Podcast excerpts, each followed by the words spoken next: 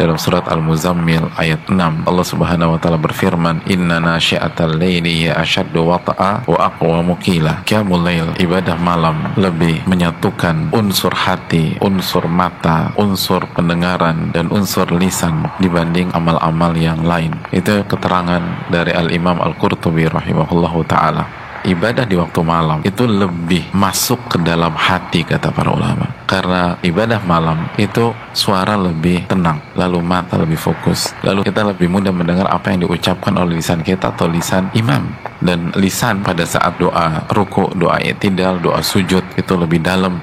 Ini yang harus diperbaiki dan inilah keunggulan sholat malam Sebagian ulama mengatakan tidak ada satupun waktu di dunia yang lebih mirip daripada kenikmatan ahli surga di surga nanti dibanding waktu di saat para hamba itu mendapatkan hatinya merasakan kenikmatan bermunajat di waktu malam. Jadi kalau teman pikir suasana di surga tuh kayak gimana? Yang paling mirip gak sama adalah kenikmatan munajat kepada Allah di waktu malam.